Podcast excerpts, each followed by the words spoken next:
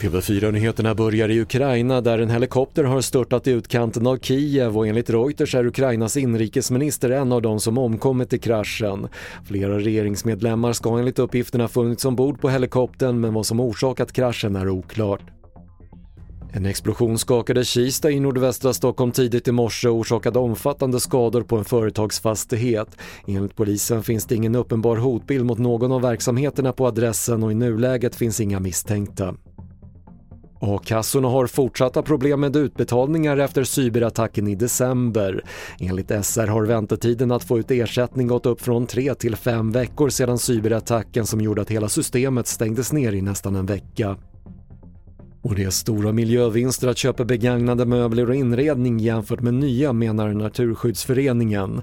Enligt deras nya rapport får man exempelvis 24 begagnade fåtöljer eller 26 begagnade mattor för samma klimatpåverkan som en ny. Fler nyheter på TV4.se. Jag heter Patrik Lindström.